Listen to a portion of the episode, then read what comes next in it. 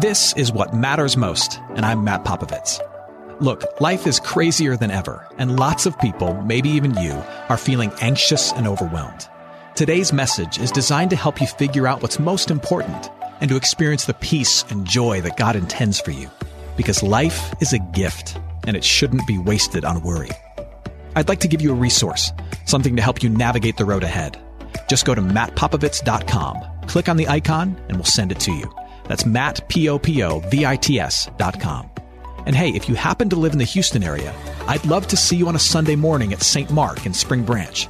Head to stmarkhouston.org to plan your visit. Here's today's message. Thanks for listening. Um, today we are continuing a teaching series called Teach Me to Pray. And, and the idea is very simple. We are walking through the Lord's Prayer, which is this, this simple yet profound overview of prayer that, that Jesus gave to his disciples some 2,000 years ago, and that disciples today, followers of Jesus today, are still holding on to and praying and learning from and diving into. And so we're walking through this prayer to learn about what it means to communicate with God. The first thing we learned is that prayer is a conversation with our Father who wants to hear from us. Our Father who wants to hear from us and who is always near us. And Jesus begins to teach us how to pray for ourselves, which, be honest, is what you wanted to learn all along, right? Jesus actually encourages us to pray for ourselves. Uh, let's read these words together. Matthew 6, verse 11. Jesus says this. He says, read this with me. Pray then like this Give us this day our daily bread. So in these words, Jesus is, uh, he's talking about more than like rye or whole wheat, okay? Um, in, in the first century, bread was a very powerful cultural metaphor. Um, it represented among God's people the fundamental necessities of life that only God could provide. It represented, it was a symbol of God's protection, of his providence, of his basic care for all of humanity, but especially for his people. And so when Jesus says, pray like this, give us this day our daily bread, what Jesus is saying is, don't just pray for yourself when you're being chased by a bear or when you're diagnosed with cancer.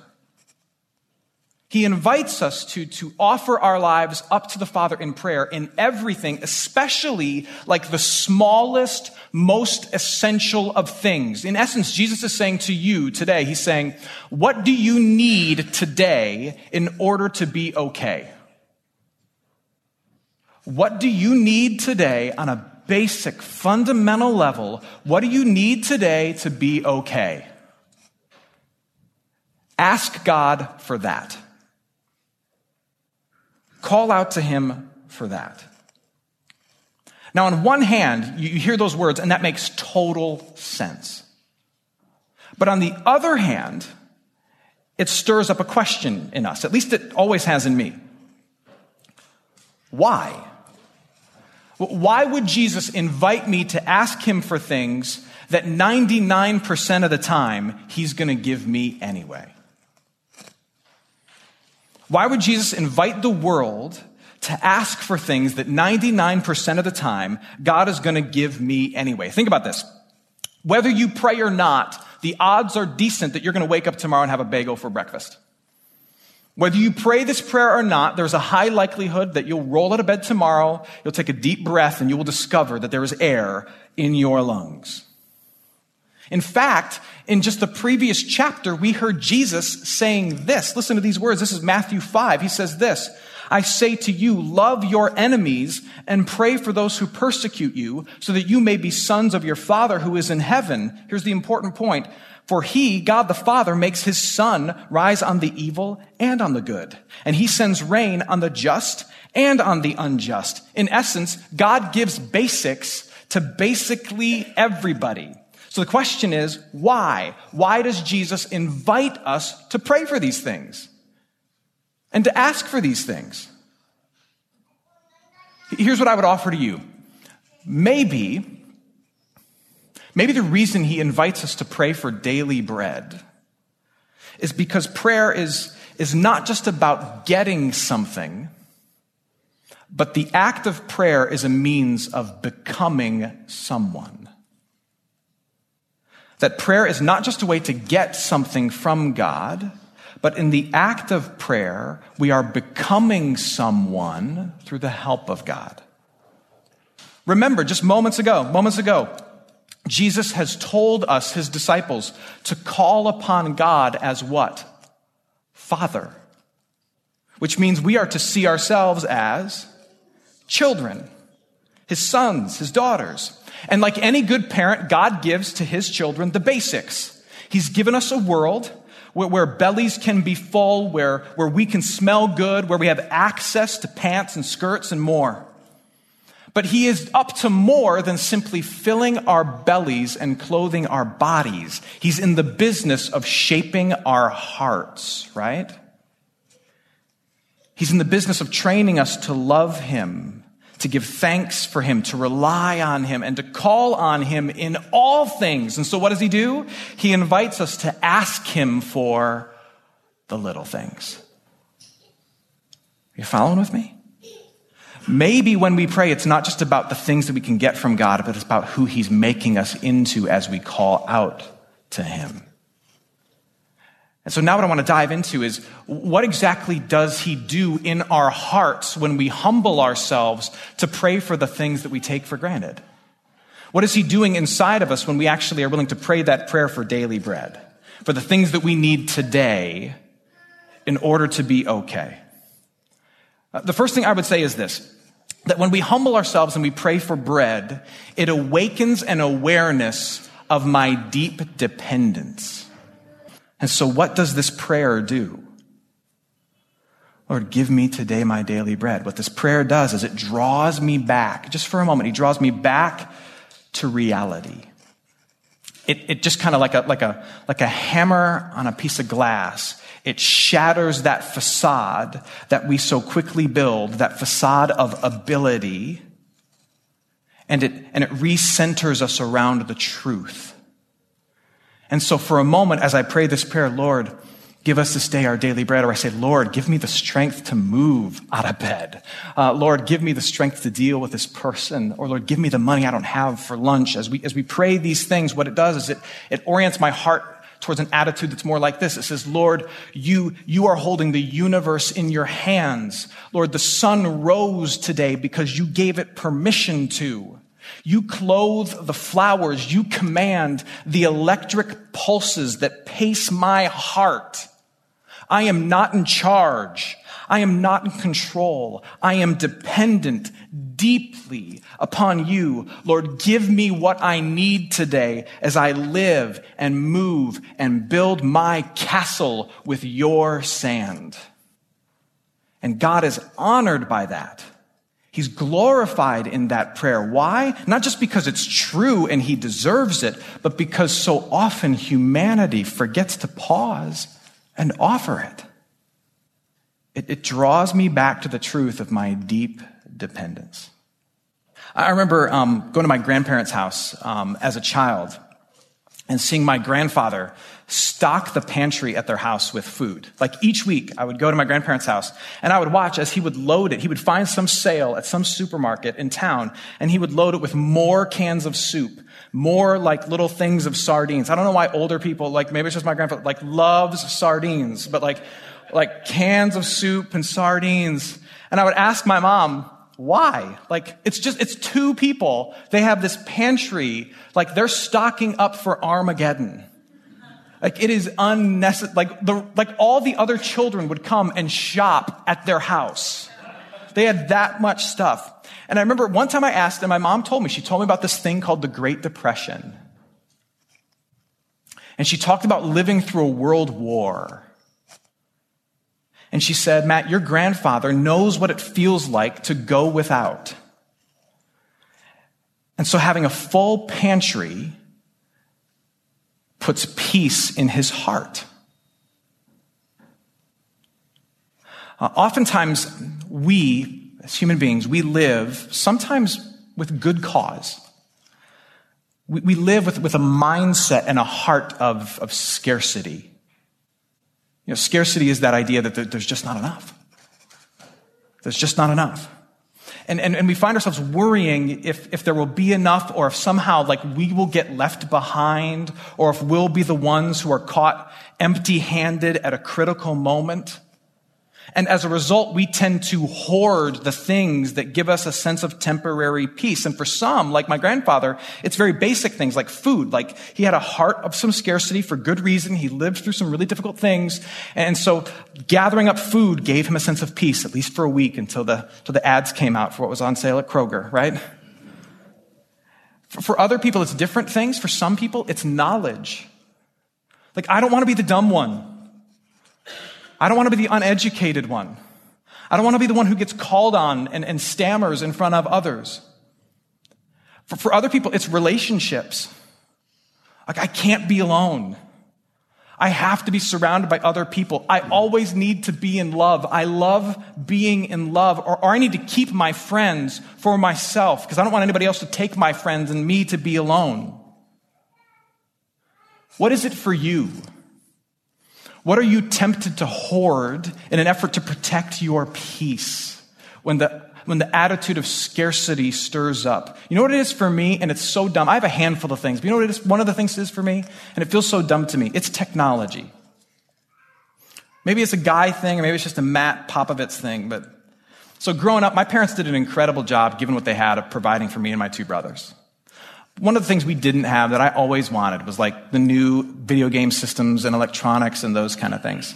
I remember one time I traded a, an old dirt bike for a used Sega Genesis. Those, some of you know what, what the Sega was. It was fantastic.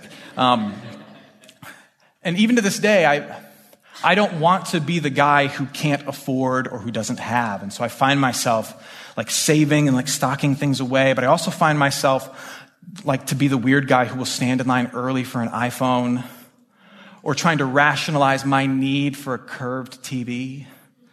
Which, just as an aside, did you know they make them curved now? and it's better. It's great. But, but there, there is in me a, a drive from a heart of scarcity. I might be caught without, and it's up to me to make sure that I get mine. And that this prayer is important because it quiets that fear.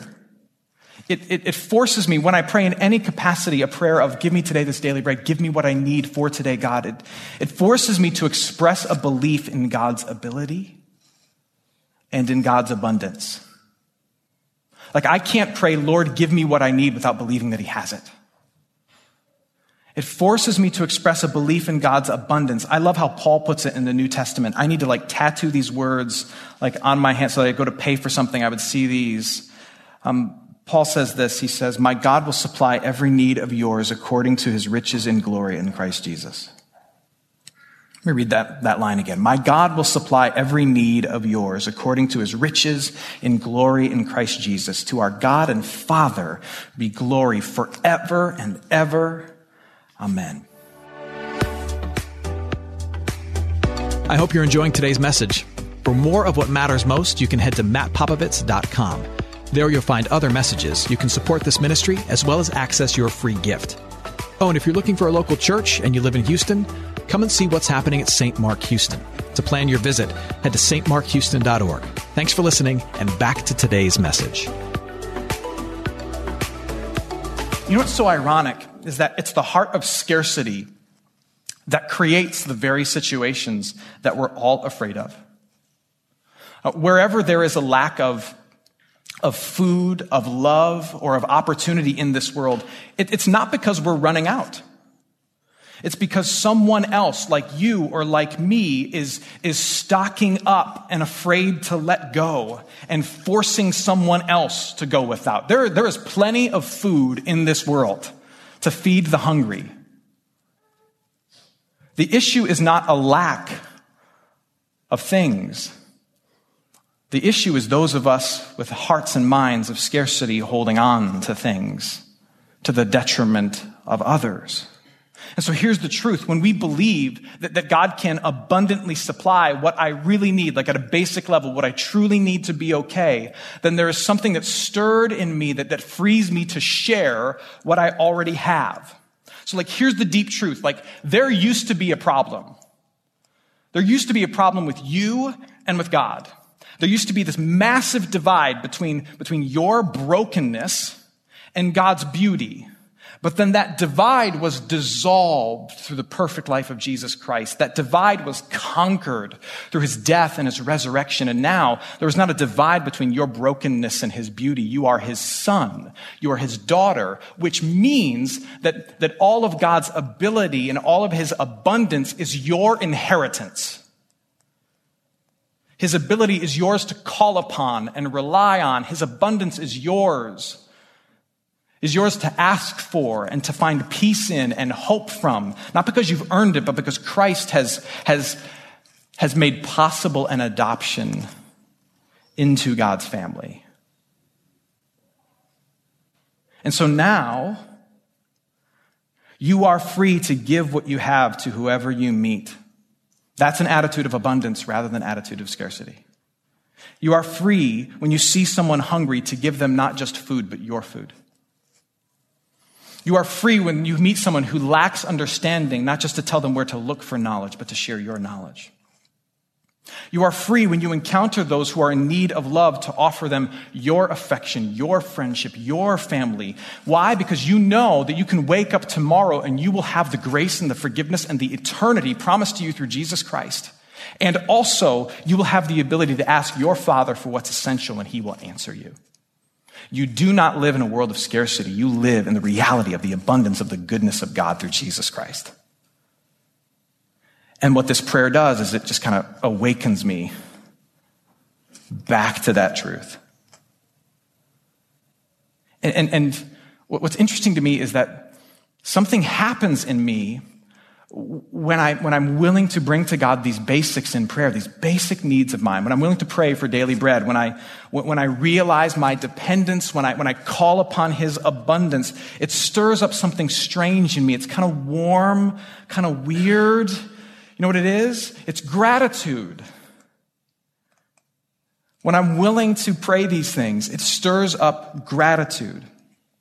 You, you, probably don't know this, but it's really interesting. In the first century, so like the time that Jesus lived, gratitude, a heart of thankfulness, was very serious business among the Israelites. Um, every day, a devout Israelite would pray what's called the 18 benedictions. A benediction is a fancy word, but you break it apart. Bene means good, diction means words. The good words. They would pray what were called the, the 18 good words. And the good words are, Blessed are you, God. Those were the good words to say. So in the morning, when the Israelite would wake up and they discovered that they had breath in their lungs, they would say, Blessed are you, God. Blessed are you, God. Blessed are you, God. Blessed are you, God, 18 times. At night, before they fell asleep and they realized that, that maybe everything didn't go the way they wanted during the day, but they still got through that day, they would say 18 times, Blessed are you, God. Blessed are you, God. Blessed are you, God. In the middle of the day, after mistakes had been made, and for certain more mistakes were to come, they would say, Blessed are you, Lord, who abundantly forgives. Blessed are you, Lord, who abundantly forgives. Blessed are you, Lord, who abundantly forgives 18 times. And the benedictions were meant to, to remind the Israelite that all that was good comes from God. It, was, it was a way to kind of just like train the heart for gratitude. Uh, the Hebrew term for gratitude is uh, hikaret hatov, which means recognizing the good. It, it was training yourself to, to recognize the goodness of God. What I believe is that the second greatest gift God can give us apart from rescuing us from sin and death through the mercy of his son, Jesus Christ, crucified on the cross. That, that's number one, just so we're clear. The second greatest gift that God can give us is a grateful heart. Why? Because a heart that knows that it's blessed can withstand almost any storm.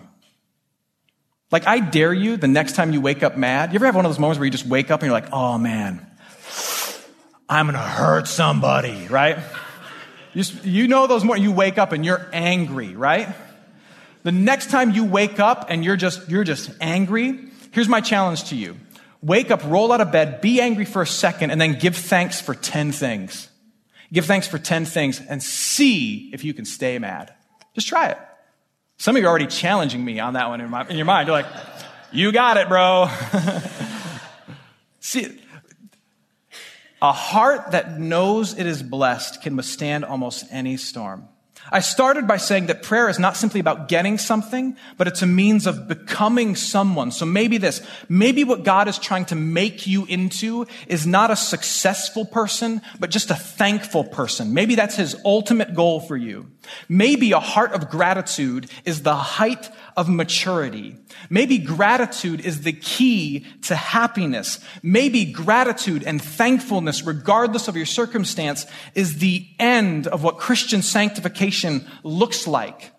Maybe what God is trying to make you into is someone who can stand, who can just stand in life and simply feel the ground beneath your feet the, the smell of dinner in the oven, the, the heat from the sun on your neck, the words of a friend in a text message, the, the love of God flowing, flowing, unending through the love of Jesus Christ, and simply say in their heart, I know there's a whole lot of other stuff happening in this world, but I am blessed and God is good.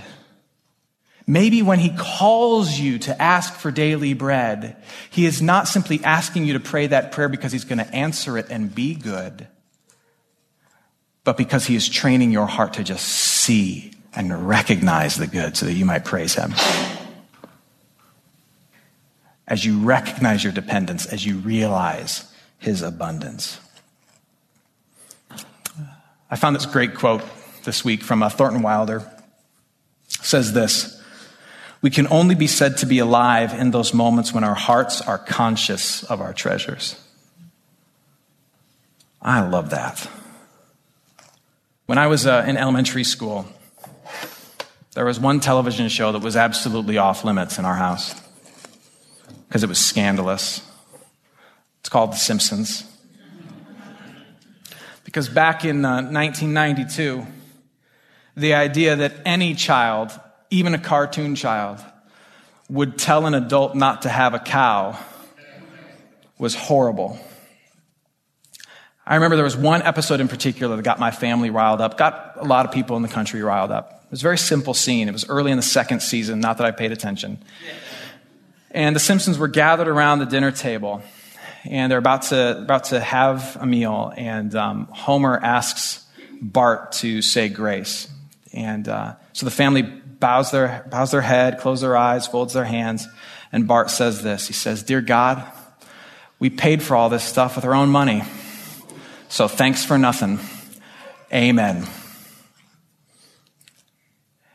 And at the time, I thought that the reason that that was so scandalous was because it was blasphemous. And of course it is. But upon reflection, I wonder if the reason it bothered people so much was not just because it was blasphemous, but because it was a little too convicting. How often do we go through life and we fail to recognize our deep dependence? How often do we go through life and we fail to, to, to call upon God's abundance all the while we celebrate our sufficiency? Maybe what God is doing is not just trying to get things for you, but make you into something. So here's your challenge is to receive the grace of God that is yours for your ingratitude Receive the grace of God through Jesus Christ that is yours for your ingratitude. Receive it. Lord, I am ungrateful and unaware of your providence. Receive the grace and forgiveness that is yours. And now, in response to him, worship him, praise him, call out to him, and pray as you've been taught by him.